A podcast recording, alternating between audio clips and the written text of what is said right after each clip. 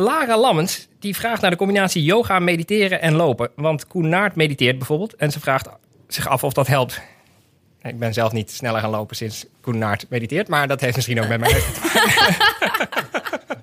Vertel, helpt dat?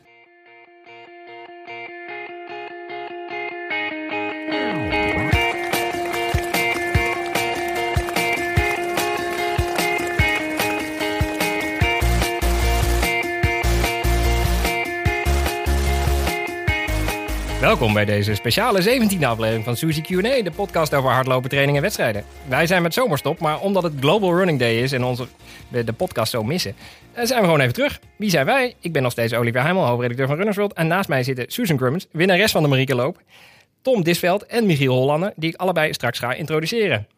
Suzanne, eerst even over de Marieke Loop, want ik miste enorm dat ik je niet gelijk kon vragen hoe het ging. Hoe ging het? het ging eigenlijk verrassend goed, ja.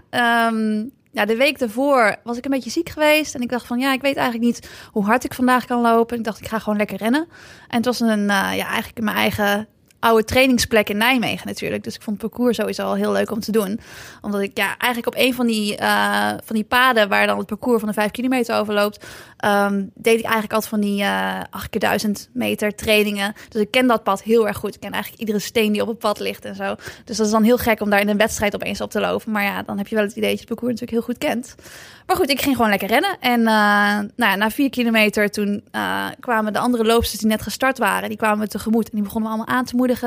Van hup Suus, je kan het. En toen dacht ik van, hé, hey, uh, misschien kan ik eigenlijk nog wel het parcoursrecord lopen. Dus ik dacht, nou, nog even doorzetten in de laatste kilometer. En toen ja, dook er net drie seconden onder. Dus dat was eigenlijk wel heel leuk. En, Want, heel wist je wat het parcoursrecord was? Of niet? Ja, dat wist ik omdat ik, ja, het parcoursrecord had ik zelf gezet ehm, in 2013. Maar dat was op een ander parcours, wat toen het nog zeg maar op de Heinasse begon. En uh, ja, ik dacht in mijn hoofd dat ik zoiets dat is een sneller parcours. Uh, nou ja, Alexander van de Zevenheuvelloop, die zei van... ik weet niet of het een sneller parcours is, misschien kun je het wel, kun je het wel verbreken. En toen dacht ik van ja, daar moeten we dan wel gewoon voor gaan. Ik ben natuurlijk nu ook wel een betere atleet dan in 2013. Dus uh, nou, ik moet het gewoon doen. Dus ja, ik had in mijn hoofd, ik wist wel wat de tijd was... maar ik dacht niet dat ik het die dag kon lopen. Dus dat was wel verrassend. Ik denk ook wel dat het een beetje door de aanmoediging kwam. Oh, en ja. je bent ook net ambassadeur geworden. Ja, klopt. Ik ben nu ambassadeur voor de Zevenheuvelloop um, tot Tokio. En de Zevenheuvelloop daarna ook. Um, en ja, dat betekent eigenlijk dat ze mij ondersteunen tot Tokio. En dat is wel eigenlijk heel fijn om die extra ondersteuning te hebben. En dan in ruil daarvoor probeer ik natuurlijk zoveel mensen te motiveren... om ook aan de Zevenheuvelloop evenementen mee te doen. Maar ook gewoon algemeen in, om hard te lopen, om gezond te leven. Dus dat is eigenlijk wel iets wat uh, ja, heel dicht bij me staat. Omdat ik sowieso al leuk vind om te doen. En dat is mooi om het voor de Zevenheuvelloop te kunnen doen. Moet je er ook winnen of is dat geen onderdeel van het contract? Ja, uiteraard moet ik ook winnen. Anders dan uh, wordt het gewoon helemaal gereduceerd en dan krijg ik niks meer. En dan gaat Tokio ook niet door. Hey, uh, Global Running Day. Gefeliciteerd. Ja, oh, ja ook gefeliciteerd hè. Prachtig, wat een mooie dag. Had je er wel eens van gehoord of niet? Uh, ja, dat is natuurlijk altijd van die onzin. En het is vooral echt heel erg op social media natuurlijk. Dat mensen dan moeten laten zien dat ze gaan lopen die dag en zo. Ja, ik loop natuurlijk gewoon iedere dag. Dus uh, ja, ook op Global Running Day. Maar het is uh, ja, wel mooi om erbij stil te staan. Uh, wat voor mooie sport het is. En uh, hoe fijn het is om gewoon in de natuur te mogen lopen. En ja, het is eigenlijk wel heel leuk om te doen natuurlijk. Dus dat mogen we wel vieren. Nou, zie daar. Helemaal niks over van onze excuus om een podcast te brengen. hey, um, we moeten het ook nog even hebben over Nederlandse topatletes en hun buitenlandse trainers. Want er zijn hier fantastische trainers. Ik, ik noem een Bart Bennema, Sven Ootjes, Adi Ruiter en iedereen die ik nu vergeet. Maar toch kiezen Nederlandse lange afstandatleten vrij massaal voor buitenlandse coaches. Jip Vastenburg onlangs weer. Wat, uh, wat is er aan de hand? Wat is er aan de hand? Ja, we hebben inderdaad gewoon wel goede coaches in Nederland. Dus, dus, dus dat is het niet. Maar ik denk wel dat heel veel atleten niet alleen voor een coach kiezen, maar dat het een beetje een combinatie is van uh, een groep, een trainingsgroep en een coach. En ik heb natuurlijk een paar jaar geleden al gekozen voor een Australische groep voor MTC. Uh, nou ja, vanuit die groep stonden er bijvoorbeeld 13 atleten op de Spelen in Rio dat is natuurlijk geen toeval. Dan, dan weet je wel dat, dat de coach, ja, die, die weet wel waar hij mee bezig is. En, uh, en dat, helpt, ja, dat helpt ook om elkaar te stimuleren om, naar, zeg maar, om beter te lopen. En uh, ja, Sivan bijvoorbeeld, die zit natuurlijk in Amerika bij uh, Oregon Project. Dat is ook een super goede groep. En ik denk dat andere atleten ook zien dat, nou ja, Sivan en ik dan wel succes hebben met een buitenlandse coach. En dat ze dan wat eerder zullen kijken naar buitenlandse groepen om dan daar ook mee te kunnen trainen. Dus ik denk sowieso dat het helpt om iedere dag om je heen te zien als, zeg maar, mensen op een hoger niveau trainen. En daarnaast is het ook zo, ehm, ja, dat je er ook wel meer zelfvertrouwen door krijgt en daardoor harder loopt. Dus het is bijvoorbeeld toen ik in Australië ging trainen en dan weer terugkwam naar Nederland voor schoolrol, uh, had ik niet speciaal iets in de training gedaan waardoor ik wist dat ik in vorm was. Maar ik had wel getraind met andere meiden die in de weken daarvoor allemaal PR's hadden gelopen. Dus ik wist, nou, ik heb alle training met hen meegedaan. Dus zij zijn in goede vorm. Dus ik moet ook gewoon hard kunnen lopen. En dat zelfvertrouwen, dat is wel, dat is wel heel belangrijk in de lange afstanden, denk ik. Dus ik denk dat dat wel een van de redenen is dat, dat atleten dan voor buitenlandse coaches kiezen.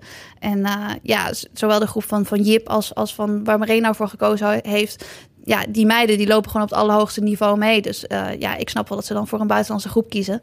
Uh, ja, en dan de coaches die erbij zitten, die, die weten waarmee ze bezig zijn. Ja, even voor de luisteraar. Het gaat hier om Jip Vassenburg en Marijn Koster. En ja. die hebben gekozen voor een Britse ploeg.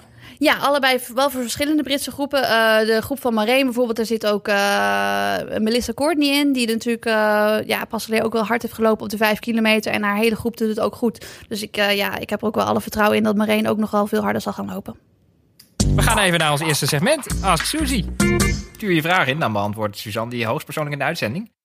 Lara Lammens die vraagt naar de combinatie yoga, mediteren en lopen. Want Koen Naert mediteert bijvoorbeeld en ze vraagt zich af of dat helpt. Ik ben zelf niet sneller gaan lopen sinds Koen Naert mediteert, maar dat heeft misschien ook met mij. Vertel. Helpt dat? Helpt dat? Nee, dat heeft mij ook nog niet geholpen dat, dat Koen Naert mediteert. Maar nee, ja, ik heb, ik heb zelf nog nooit gemediteerd. Dus ik heb daar echt nee, ik kan er niks over zeggen. Ik heb wel wat yoga gedaan. Uh, maar dat was vooral als ik gewoon ja, ergens last van had, bijvoorbeeld met mijn heup. En dat de flexibiliteit niet helemaal goed was. En dat ik dat, dat, ik dat als probleem moest oplossen. Maar je hoeft verder natuurlijk niet super lenig te zijn om lange afstandloper te zijn. Dus uh, ja, het is wel leuk als je je been helemaal in je nek kunt leggen. Maar uiteindelijk die range of motion heb je niet nodig in een, in een, uh, in een looppas.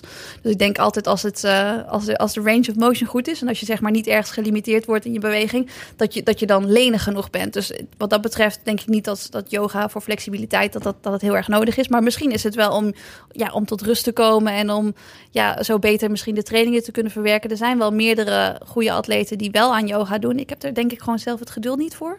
Ik weet Want niet. je bent ook al heel zen van nature? Of? Ik ben sowieso super zen. Ja, dat is, dat is wel iets. Ik, ik stress niet. Dus dat is. Uh, ja, stress bestaat gewoon uh, niet voor mij. Dus dat is, uh, daar doe ik niet aan. Oh, wat heerlijk. En een ja. bruggetje ook naar de volgende vraag. Die iemand wilde anoniem blijven. Dus dat respecteer ik. Oké. Okay. Um, ik ben het niet.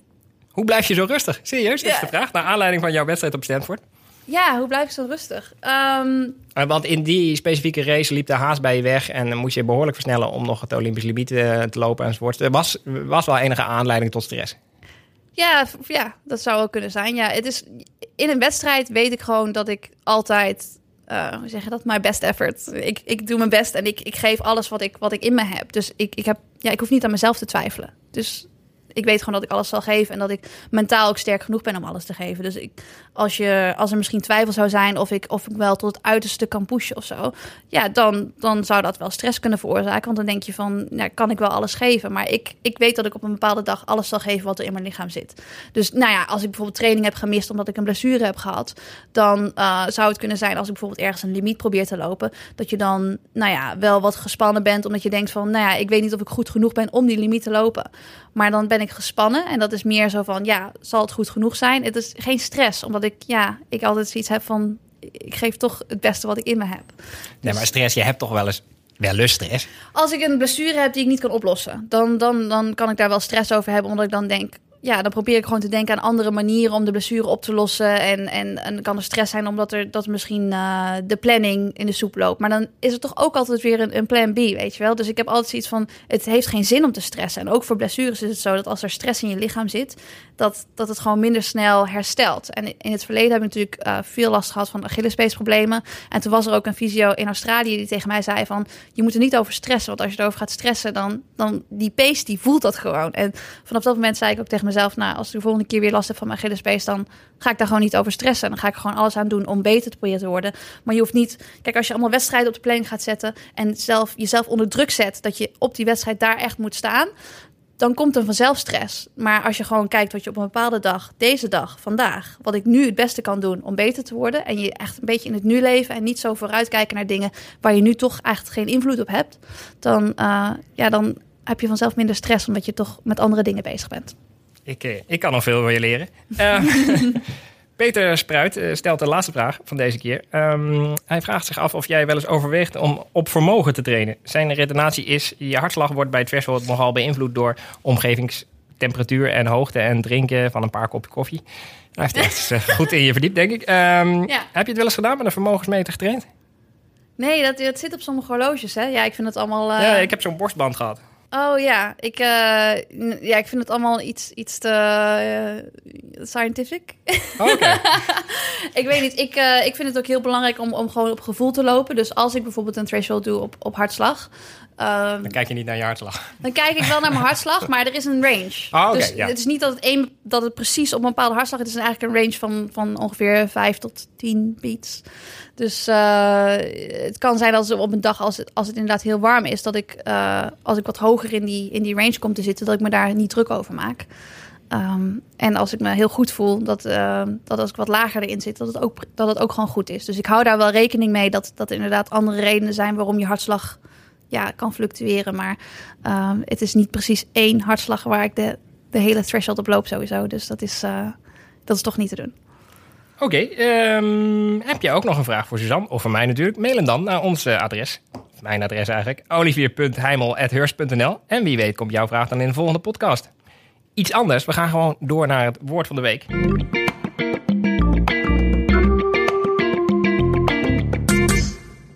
Europa Run, want daar hebben we een speciale gast voor. Michiel Hollander van Team Hollander. Michiel, welkom. Dankjewel. Wat is de Europa Run? De Europa Run is een estafetteloop. ehm die van origine van Rotterdam naar Parijs was. Vandaar de afkorting Europa Run.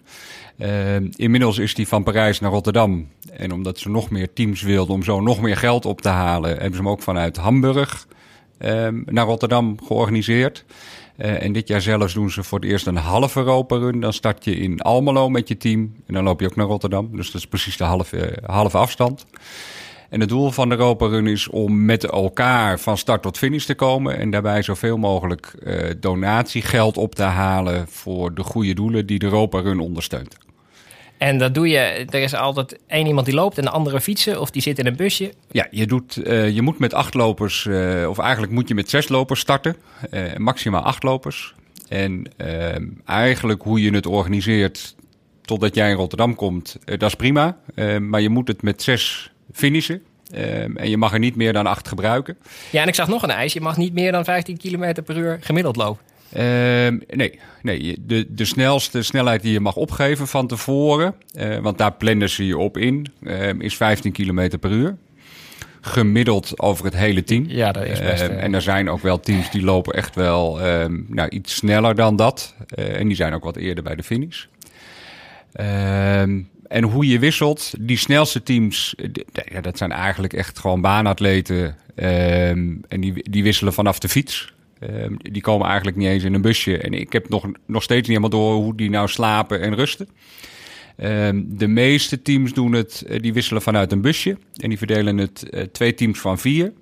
Eén loper loopt een kilometer, twee kilometer. Daar staat het busje. Loper 2 start. eh, loper 3 start en loper 4 doet dat. En dan is loper 1 weer ongeveer 40 tot 60 kilometer een etappe. Eh, en dan kom je bij de rest van het team. En daar staat team 2 van de vier lopers klaar. Ehm, en die gaan datzelfde doen. En zo wissel je dat eigenlijk af tot Alblasserdam. Eh, omdat tot daar mogen de busjes meerijden. Ah, en, van- ehm, en vanaf dat moment ga je met eh, zeven fietsers, of zeven lopers op de fiets. En één loper loopt. En dan wissel je dus steeds vanaf de fiets af. Zodat je die laatste 25 kilometer, die, ja, die doe je ook echt met z'n allen. En eh, het duurt drie dagen. Krijg je veel slaap in die drie dagen? Of? Ehm, zoals wij het organiseren, want wij doen het echt met twee teams. Ehm, en dat je dus ook weer die 40 tot 60 kilometer echt rust hebt. En dan heb je tijd om te eten en gemasseerd te worden. Ja, dan slaap je toch echt wel steeds drie, vier uur. Ja, een beetje afhankelijk van hoe makkelijk Je, je, slaapt. spreekt het uit alsof dat best luxe is. Maar... Ja, weet je, sommige, mensen, ja, sommige mensen die, die slapen daar een uurtje, uurtje dommelen ze een beetje. Ehm, en andere mensen ja, die ervaren de vier uur slaap als prima en kunnen dan wel weer, dan wel weer verder. Eh, maar het is allemaal wel een beetje ja, professorisch. Het is allemaal een beetje inschikken. Sommige mensen slapen in een tentje of in een sporthal. Eh, wij hebben de luxe van een, van een touringcar waar we in kunnen slapen onderweg. Oh, dat klinkt wel heel luxe. Eh, dat heeft ook een douche en zo? Of, eh? Nee, dat heeft geen douche. Maar wij zoeken dan weer bivakplaatsen onderweg bij een zwembad, een sportvereniging, eh, bij een beter boerenbed. Dat je midden in de boerderij, bij een boerderij wakker wordt en dat je langs de koeienstal naar een douchegelegenheid loopt. Oh, wow. Ja, en soms kan je gewoon ook niet douchen. En dan sta je met je tijltje sta je, je te wassen. Midden op een, op een parkeerterrein. En dan komen ook weer andere teams langs. En dat maakt het ook wel weer zo bijzonder. Eh, want Maar het is niet zo competitief dat als er een ander team langskomt... dan zou Suzanne gelijk weer in de camper springen en er langs willen, zeg maar. Nou, het grappige, het, Geen wedstrijd. Ehm, de, degene die het snelst van, van eh, Parijs naar Rotterdam en van Hamburg naar Rotterdam, die krijgen ook een prijs. Eh, maar je ziet op het slotfeest, wat altijd eind juni wordt georganiseerd, is dat de grootste prijzen zijn eigenlijk voor teams wat of zich het net aan de opgegeven snelheid houdt, of degene die het hoogste donatiebedrag ophaalt. Eh, maar ook, er zijn ook echt wel teams die strijden om de snelste tijd. Ehm maar wat je, je ziet dat die competitie zie je wel. eh, Maar het is een hele leuke vorm van competitie. Want ook ik ga harder lopen op het moment dat ik een team voor mij zie lopen. Ehm, maar aan de andere kant, ehm, dat team haalt ons ook weer in als de andere drie lopers van hun sneller zijn. Ja. Ehm, en zo loop je zomaar ook 40 kilometer op met eenzelfde team. En dan haal je elkaar steeds weer in. Of je, Heb je eigenlijk maakt een stokje? praatje. Nee, je, je, je hebt geen stokje. ehm, je tikt elkaar aan. Oh, ja, maar Dus ik ben die wissels zijn die scherp? Ehm, Train je daarop? nee, daar train je niet op. Ik weet wel, ehm, zeker bij de snellere teams, dat laatste stuk in Rotterdam, wat tot aan de tijd finish. En dan hebben we het echt over het, het stuk Rotterdam-Zuid. En ik heb een jaar meegedaan met het team van de mariniers. Eh, toen was ook eh, Peter Klooster van hier, ehm, was ook mee. Ehm, en toen ging het zo fanatiek ehm, dat het echt wel nou, in de startblokken staan was bijna om elkaar aan te tikken. En dat, Ja, dat dat. werd ook wel struikelen. ehm, maar toch nog om... En je loopt er dan 10 seconden af uiteindelijk op, op drie dagen. Ja. Maar de, ja, die strijd is er wel. Maar aan de andere kant is die er ook weer helemaal niet. Omdat je, je staat elkaar aan te moedigen. Je, je loopt ook langs al die andere busjes van die teams. En die, die mensen staan voor jou te klappen. Ja. En ehm, het maakt eigenlijk... Het kan zijn dat diegene die, die twee minuten sneller loopt op zo'n, of eh, langzamer loopt op zo'n kilometer, ja, die heeft veel meer geld opgehaald. Of die heeft veel meer publiciteit aan die hele Europa-run gegeven. Of die loopt voor iemand met, met hele dierbare herinneringen. En dat, dat is zoveel meer waard, denk ik, dan, dan heel hard lopen eh, Ja, ja. En, en degene voor je inhalen. Want het, het begint komende zaterdag, maar eigenlijk is, is dat de finale van een inspanning die veel langer is. Want jij bent al maanden bezig geld te verzamelen. Ja, je ziet echt wel dat je er vanaf zo ongeveer september mee bezig bent eh, om acties te organiseren. Want ja, uiteindelijk is gewoon het doel om geld op te halen voor de palliatieve kankerzorg. Ehm, dat maakt ook het dankbare dat het lopen wat we allemaal zo leuk vinden, dat je dat mag doen om Ja. iets te betekenen voor anderen. En je bent inderdaad een heel jaar bezig om acties. eh, Eh, wat voor acties moet ik dan aan denken?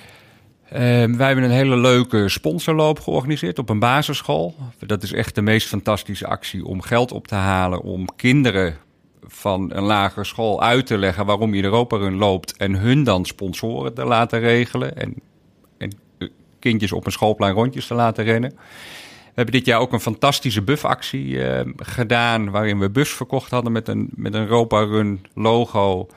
Eh, maar we hebben ook een trailrun evenement georganiseerd. Ehm, maar ook een, ja, een winkelavond dat we de korting eh, kregen als, als goed doel. Oh, wow. Ehm statiegeldflessen. We hebben hele leuke zwerftrailtochten georganiseerd op de, op de Veluwe. Dat mensen gewoon konden aanschuiven. En dat wij ja, gewoon al hardlopend op zondagochtend lekker de mensen konden laten zien waar ik zo graag hardlopen over de postbank. Ehm, en daar gewoon ja, dan 12,50 be- betalen. Wat ons niks kost om te organiseren. Ehm, maar wel eh, een enorme mooie opbrengst ehm, oplevert. En zo zie je dat. nou, wat we ook elk jaar doen, is het hardlopen. Ehm, op de grote vuilnisbelt in eh, Arnhem, naast het Velperpoort of Velperbroekcircuit. Is dat letterlijk een grote vuilnisbelt? Dat is echt, dat wist ik ook niet. Maar toen we met de vergunning zaten, hoorden we dat we niks in de grond mogen steken. Omdat 10 centimeter onder het gras, ehm, daar, daar begint inderdaad het plastic Oh, oké. vuilnis af te, af te dekken. En dan maken we een heel leuk kleinschalig eh hardloop-evenement waar mensen ja, 25 keer de berg op moeten rennen. Ehm, en dat is ook weer heel leuk, ja, dat we dan eh, nou ja, namens jullie ook ehm, aan, aan een van de winnaars een, een jaarabonnement mogen weggeven. Waardoor je weer ziet dat het ons qua organiseren eigenlijk niet zo heel veel kost. Ehm, maar waardoor je wel op een leuke manier weer donaties binnenhaalt. Eh, ik heb ook nog een hele technische vraag. Hoe train je voor zoiets? Um, ik train er eigenlijk niet specifiek voor. En je ziet dat er best wel wat teams zeggen, die zeggen dan een, een ijsje moet een halve marathon in twee uur lopen. Um, en dan denk ik, ja, eigenlijk is dat helemaal geen specifieke ijs. Als je zegt van joh, je moet, je moet 65 keer een kilometer gaan lopen in, nou ja, wat is het, 48 eh, uur. Um, dus ja, daar wordt wel anders over gedacht. En ik denk, ja, bij ons is het zo, de snelheid is niet het belangrijkste. Je moet vooral zorgen dat je dat 65 keer kan in een tempo waarin je dat kan doen. Het heel dus goed zijn in intervallen. Ja. ja. en in weinig slaap. En, en, in weinig, en dat is, dat is het, het leuke van die Europa Run. Dat op, op zondagmiddag overdag kan iedereen het. Um, maar de tweede nacht kan ineens niemand het meer. Of dat gevoel heb je ineens. En, en zeker voor mensen voor wie dat nieuw is, die denken dan ineens: ja, dat bioritme dat is verstoord. Dus ik kan wel goed tegen slaap, maar dat bioritme is ineens anders. En dan moet je toch nog lopen. En bij iedereen, bij de lopers, bij de fietsers, bij de chauffeurs, bij iedereen zit het dan even tegen en denkt: dit wordt een hel tot aan Rotterdam. En dan de volgende ochtend, als je dan nog minder geslapen hebt, eigenlijk nog moeier bent en het zonnetje gaat weer schijnen. Ehm, en je komt weer door de dorpjes waar iedereen staat aan te moedigen, dan denk je ineens, het gaat weer vanzelf. Het gaat. Nou, dan ben je weer wakker. Ja, en dan is het puur dat, dat, dat, je tegen dat bioritme niet meer hoeft te vechten. En dat vind ik altijd de leukste, de leukste nacht. Want ja, ik heb daar altijd heel veel lol om, om hoe andere mensen dat ervaren. um, en wel dan, ja, vorig jaar stonden we midden in de nacht ineens, om 12 uur was er iemand jarig, stonden we te zingen. Midden in een donkere polder met, nou ja, acht mensen ben je dan mee op pad. En je zit er even allemaal doorheen en dan sta je even te zingen omdat er iemand jarig is. Ja, het is wel team spirit, dat is wel mooi. Ja, dat is, de, dat is echt wel. Is dat ook een van je hoogtepunten? Uh, ja, de, de, de Europa Run um, ja, is echt wel eigenlijk een van de leukste hardloop-evenementen die ik ken. En juist om, om dit soort dingen. Eh, twee jaar geleden was Peter Klooster van jullie uh, als redacteur mee. En die heeft een heel leuk artikel geschreven. En ik kende Peter helemaal niet. Um, en die ging mee en die zei: Ik wil gewoon instappen in het busje en ik wil met jullie mee. En uiteindelijk wil ik misschien ook wel eens een, stukje meelopen. En dan zie je Peter en dan denk je: Dat is een oude man, prima, dat mag je wel proberen. Lekker met jonge kerels mee op pad. En dan ga je rennen en dan loopt hij er gewoon aan alle kanten uit. en dan blijkt hij gewoon veel sneller te zijn. En dan denk je, wat gebeurt hier? En dat, Geheime training. Ja, En, dat past. En daarna ben ik nog eens met hem wezen lopen in het Amsterdamse bos. En nu snap ik ook waarom die zoveel sneller is dan ik. maar dat gebeurt allemaal in de, in de Europa-run. En Suzanne, heb jij eigenlijk wel eens een estafette gedaan? Ja, toevallig wel. In Amerika, zelfs vier keer. Want uh, bij Florida State deden we eigenlijk ieder jaar aan het begin van het crossseizoen... gingen we dan met het hele cross-country team... gingen we dan van de westkust naar de oostkust van uh, Florida lopen... En dan gingen we dus vanaf de Golf van Mexico naar de Atlantische Oceaan.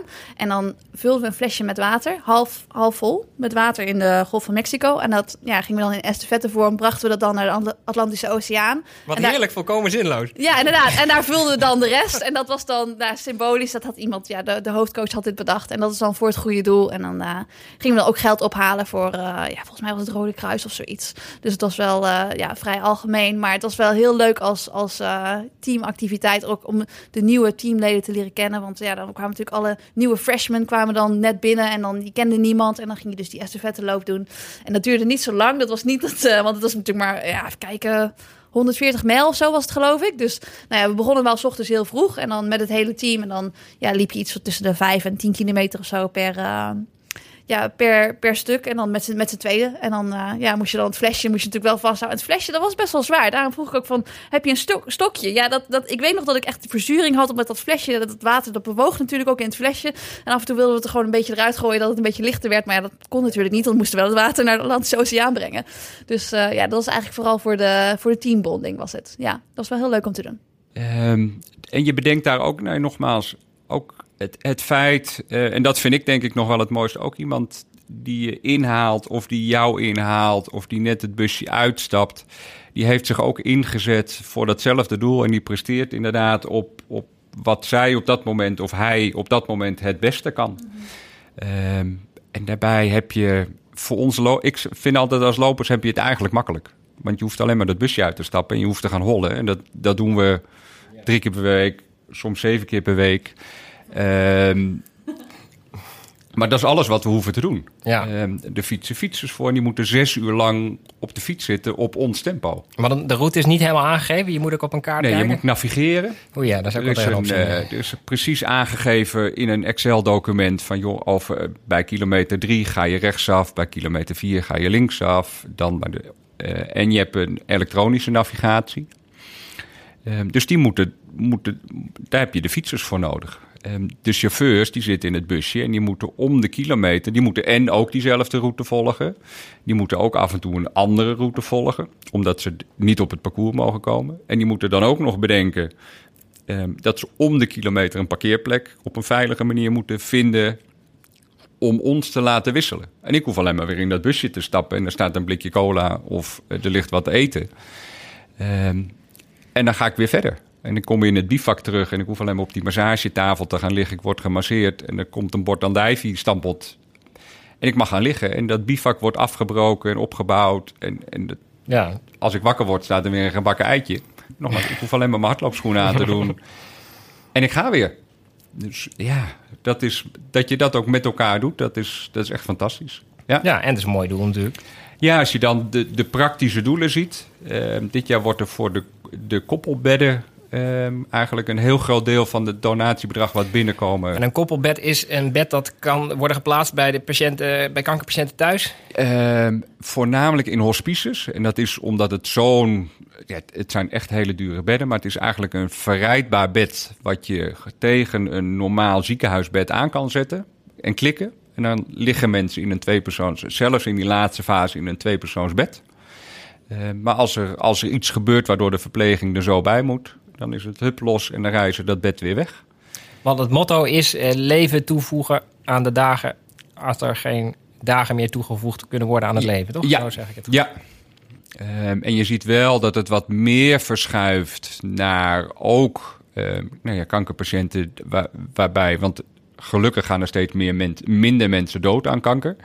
Ehm, maar steeds meer mensen krijgen het wel. We waren vorige week ook in het Rijnstaat ziekenhuis op bezoek. En daar, daar hebben ze 75.000 euro gekregen eh, dit jaar om een beweegprogramma op te zetten voor kankerpatiënten. Puur omdat nou ja, bewezen is hoe fitter mensen zijn en behandelingen ingaan, hoe beter ze die behandelingen ook doorstaan. Ehm, dus het is niet, lang niet meer dat, ja, dat je het doet voor mensen die uiteindelijk doodgaan. Eh, maar ook de kwaliteit van leven ehm, tijdens die ziekte om die al te, al te verbeteren. Ja, daar Ja. mogen wij voor, voor hardlopen. Ja, dat brengt, en mijn, mijn vrouw heeft borstkanker, die zit daar momenteel mee. Dus, die, eh, dus dat eh, herken ik wel, inderdaad. Hoe is het met haar? Eh, nou, eigenlijk wel, wel goed. Ze heeft al operaties nu gehad. Eh, nu eh, wordt ze bestraald volgende week en dan komt er nog chemo. Dus dit is, ja, ze kan nu nog niet zoveel bewegen omdat de operatie net geweest is. Maar dit is inderdaad wel een fase waarin da- dat soort dingen ook belangrijk worden. Goed, is ook de reden dat we deze podcast iets in frequentie hebben teruggeschroefd. Maar ik ben blij dat we er vandaag in ieder geval kunnen zijn. Eh, be- bedankt ook eh, Michiel voor eh, jouw verhaal. Ik kom zo nog heel even bij je terug. Eh, ik ga nog even naar onze tweede gast. Tom Disveld. Hi. Tom, wij trainen in hetzelfde team bij Suzanne's oude kamergenote Yvonne Hak. Oh ja. Ja, je krijgt er goed van trouwens. Ehm, en jij hebt iets gedaan waarvan heel veel eh, gewone lopers dromen, denk ik. Jij hebt je baan opgezegd onlangs en je, je gaat de komende maanden leven als een topatleet. denk, nou, hoe, hoe, hoezo deze beslissing? Nou, ik ben vier jaar geleden ben ik eigenlijk eh, pas echt begonnen met, eh, met lopen op de baan. En jij bent 34. Nu ben ik 34 jaar, dus ik was 30 eh, toen ik begon met, eh, met atletiek. Ik eh, heb altijd gevoetbald in, eh, in de buurt van Nijmegen, waar ik vandaan kom, in eh, Lent. En eh, daar eh, vonden ze altijd wel fijn dat ik hard kon lopen, maar eh, met de techniek was het iets minder gesteld. Ik ken dat. Ik ken dat. Dus ehm, ja, ik heb er altijd heel erg van genoten. Hè? Maar op een gegeven moment eh, dacht ik, eh, ja, inderdaad, eh, met name wedstrijden ging me iets meer tegenstaan. Dat het toch altijd wat onvriendelijker werd. En ik denk, nou, ik ga een sport doen. waarvan iedereen altijd al zei dat ik dat eens een keer moet gaan proberen. Toen ben ik, gaan, ben ik gaan googlen. Kwam ik uit, ik woonde inmiddels in Amsterdam bij AAC. en zag ik daar een plaatje staan van, ik weet het nog, Gregory Sedok. Toen dacht ik, nou, als die daar traint, dan zal het best wel serieus zijn. Dus eh, laat ik gewoon eens eh, een mailtje sturen en kijken eh, hoe of wat.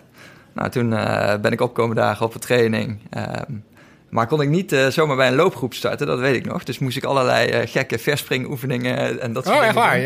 Je- Ik ben blij dat jij zegt dat je niet eh, heel eh, atletisch hoeft Ik te zijn om atletisch te echt- zijn. nee, nee. Want ik eh, ben De misschien wel de- coördinatie is eh, ja, soms ver te zoeken. Ja. ja, ik ben ook echt de, de minste atletische atleet, denk ik, die er is. dus eh, dat was niet een heel succes. Totdat we een keer eh ja, 600 gingen doen. Eh, en dat, eh, ja, dat ging meteen super. En toen eh, werd er gezegd, jij, moet, jij moet naar Frans. Ja, ik, Frans eh, thuis. Frans thuis. Nou, ik kende eigenlijk helemaal niemand in de atletiek. Nou, Gregory Sedok eh, was net dan een van de weinigen die ik kende. Ehm, en eh, toen kwam ik bij Frans en liep ik trainingen mee. Nou, ja, echt totaal bleu, geen horloge, geen niks. Totdat een ploeggenoot van me zei, Niels Pennekamp, die zei... weet je wel tussen wie je nou loopt en wat die jongens en dames allemaal gelopen hebben? En toen dacht ik, oh, nou, dat, dan doe ik het toch best aardig. Ehm, ja, en eh, mijn eerste wedstrijd weet ik nog dat... eh, dat was het NK Teams. Eh, daar viel iemand uit. En toen moest ik in één keer een 800 meter lopen. En toen heb ik net de week daarvoor snel spikes gekocht. En eh, was, ik heb ze wel één keertje even aangehad, dus ik wist dat ze pasten. Maar eh, die wedstrijd was voor het eerst dat ik eh, echt gelijk aan de bak moest. En eh, ja, daar ging ik zo, daar, daar was ik zo kapot van. Ik, eh, Ja, je liep wel bijna mijn PR die eerste wedstrijd al. Volgens Ja, mij op een was, tiende of zo. eh. je liep 1,53? 1,53,6 liep ik, ja. Zo, ja.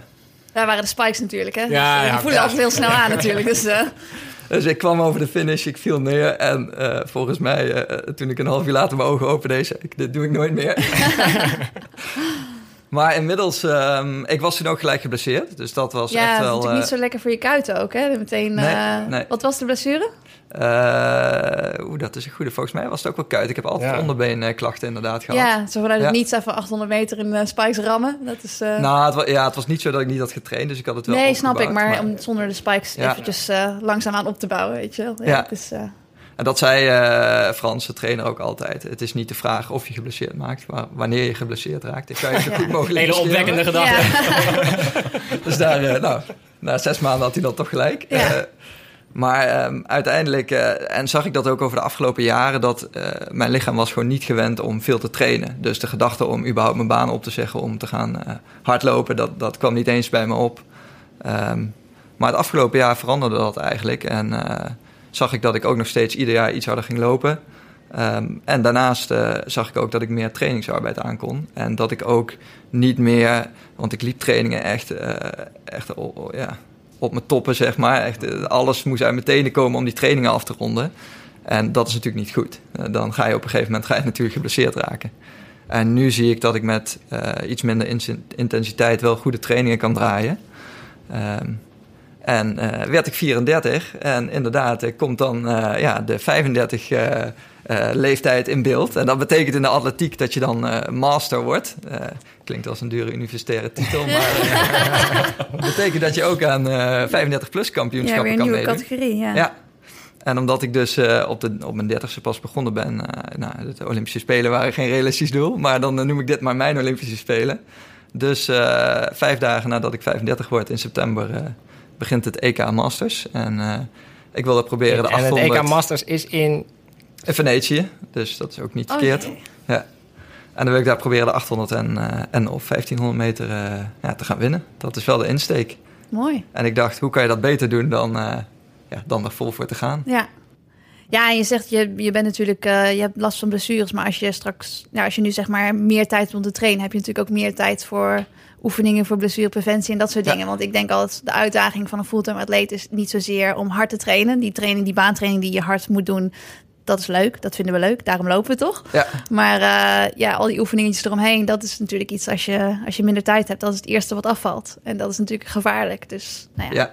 ja dat klopt helemaal. Dat je dan, dat je dan eh, meer trainingsarbeid aan kunt. En je slaapt Ja. ook iets meer, hoewel je ook net vader bent geworden? Ja, het is, eh, ze is bijna een jaar nu. Maar Oh. eh, ze vindt het nog steeds leuk om om vijf uur wakker te worden. dus, eh, inderdaad, ik, ben- ik ben nog wel een vroege vogel, maar eh, in haar slaapjes kan ik nu ook wat meer slapen. En het is inderdaad precies wat Suzanne zegt. Het is, eh, de trainingen die ik belangrijk vond, die deed ik al. Die doe ik, die doe ik nog steeds. Ehm, maar met name de rust en ook dingen zoals een, een bezoek aan een fysiotherapeut Ja, plannen. Wat dat dan moet soms pre- gewoon preventief natuurlijk. Ja. Ja. En dat lukt dan soms niet. Ehm, en, en- ja, en dan zie je gewoon dat dat... eh, ja, dan gaat zich dat opbouwen. En dan, eh, ja, dan krijg je klachten wat je eigenlijk had kunnen voorkomen... als je dus meer tijd had en serieuzer trainde. Eh, plus dingen als... een, een tweede ding is bijvoorbeeld krachttraining. Dat heb ik heel eh, mooi ontweken een jaar lang. maar dat is eigenlijk niet goed. Eh, en dat is wel essentieel. En dat moet ik nu natuurlijk niet in één keer eh, van 0 naar 100 gaan opbouwen. Maar eh, ja, ik heb daar nog eh, zo'n 3,5 maand voor. En eh, daarin ga ik dat wel opbouwen, ja. Ja. Ik heb zelf ook een, kettlebell gekocht het, het weekend. Ja, ik dacht, ik zou het zien. ja. Ja, het Dat is was productief een, weekend weer. Eén uitdaging die ik over het hoofd had gezien is dat je de kettlebell ook op de fiets dan in mijn geval, want ik rij geen auto, naar huis moet krijgen, wat nog helemaal niet meevalt. Maar eh Hoe zwaar was die? 10 kilo. Oh, ja, netjes, netjes. Ja, dus eh, we krijgen over drie maanden voor- en na-foto. Ja, ja, eh, ja. Ja. ja, die is goed voor K-phrases. Ehm, maar eh, het werkt ook al, Tom, want ik zag afgelopen week dat je eh, 1,50 liep. Ja, klopt. Ja, dat was eh, het seizoen gelijk geopend met een, eh, ja, bijna een seconde van mijn PR af. En eh, dat is eh, meestal mijn slechtste wedstrijd van het seizoen. Dus eh, laten we hopen dat dat zo blijft. Ja. Dat eh, is een mooi begin. Want ik ken het Europese veteranenveld niet heel exact, maar met 1,50 kan je leuk meedoen, denk ik. Eh, ik denk, eh, nou, ik heb gekeken, vorig jaar was er volgens mij één keer iemand die harder had gelopen, ja. Dus dan eh, zou ik leuk mee kunnen doen. Maar goed, je weet nooit wie er 35 wordt. En eh, Of wie zelfs vijf dagen van tevoren 35 wordt. Ja. ja, en eh, het is natuurlijk ook, ja, misschien haal ik mijn eigen prestatie dan een beetje onderuit. Maar de echte Olympische atleten, die lopen vaak ook niet eh, door tot hun 35ste. Eh, al heb je er zeker wel fanatiekelingen bij zitten. En volgens mij de vorige winnaar was ook een, wel een ex-Europese topper. Ja, want je bent zelf vrij bescheiden. Ik zag net dat je op je Instagram jezelf een pretty average athlete noemt. Maar eh 1,50 is behoorlijk doorstampen. Ja, maar het is al, ja, al- als je erin zit, kijk, iedereen heeft natuurlijk zijn eigen niveau. En dat vind ik ook superleuk aan hardlopen. Eh, als je een 10 kilometer in 45 eh, en een half minuut loopt, dan wil je onder die 45 minuten. En dat is precies hetzelfde als je een 800 meter in eh 1,50 loopt en je wilt hem onder die 1,50 lopen. Ja. Dat, eh, ja, Ja, dat is altijd een doel. dat is altijd een doel. Ja. En eh, zelfs Kipchoge, die heeft het doel om een marathon onder de twee uur te lopen. En Ja. daarna heeft hij vast weer een ander doel. Dus Dat is nooit dat, eh, genoeg. nee, het is nooit genoeg. Ja. Eh, maar eh, ben je niet bang dat het heel verslavend is? Dat je, dat je nooit meer wil werken? Ja, daar heb ik nog niet over nagedacht. maar eh, de kans bestaat dat ik het heel leuk vind. Eh, ja, ja dat, eh, dat- dan gaan we er vast weer nieuwe doelen komen. Dat sowieso. Ja. maar in principe ga je na september weer aan de slag? Of? In principe, dan ga ik even eh, met vrouw en dochter reizen. En dan eh, is het idee wel om weer aan de slag te gaan. Ja, ja. Het is, eh, in de atletiek is het wel moeilijk om ook je boterham te verdienen met, eh met mastertoernooien. helaas. Laat staan op reguliere toernooien. Nou, wij kennen iemand die het doet. eh. Ja, dat klopt. Onze, onze teamgenoten. Ja. Oké. Ehm, en wanneer is dit avontuur precies geslaagd?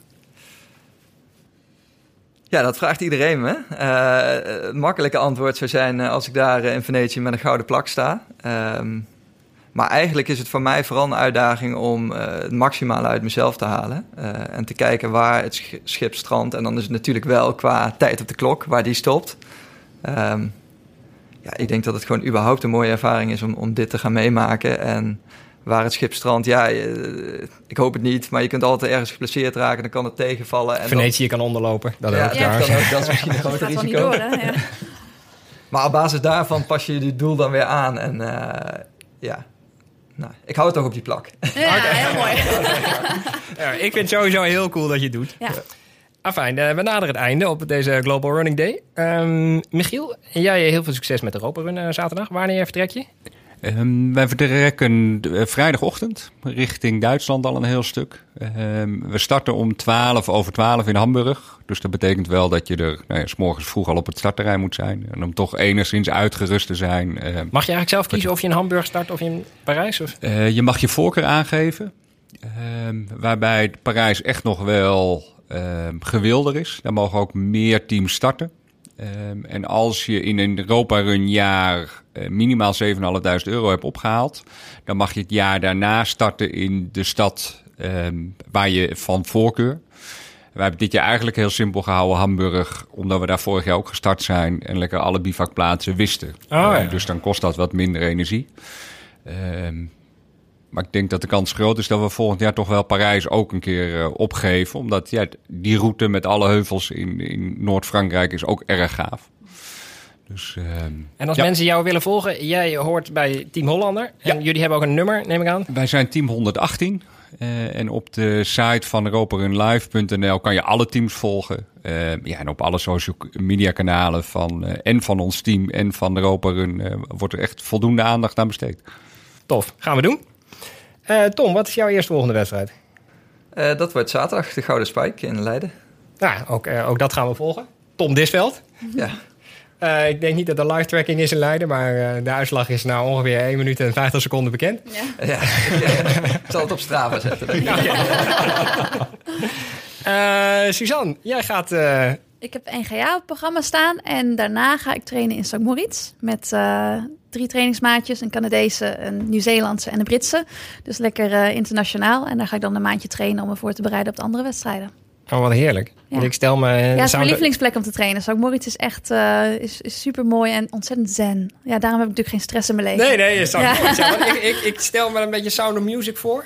Ja, inderdaad. Gewoon mooi van die, van die grote bergen en, eh, en mooie meertjes. En ja, dan loop je gewoon op, op prachtige paden. En ja, de atletiekbaan ligt ook op eh 1800 meter hoogte. Dus eh, de, de baantrainingen zijn wel pittig. Maar eh, ja, ik vind het wel lekker als je gewoon, eh, gewoon helemaal kapot gaat. Oh, ik, ik wou dat ik jou was. Eh, en zo zijn we helaas aan het einde gekomen van deze speciale 17e aflevering van Suzy Q&A. Dank Volkert van Dag en Nacht Media voor de productie. Dank Michiel en Tom. En dank u, beste luisteraar, voor het luisteren. Ook namens Suzanne. Blijf luisteren en lopen.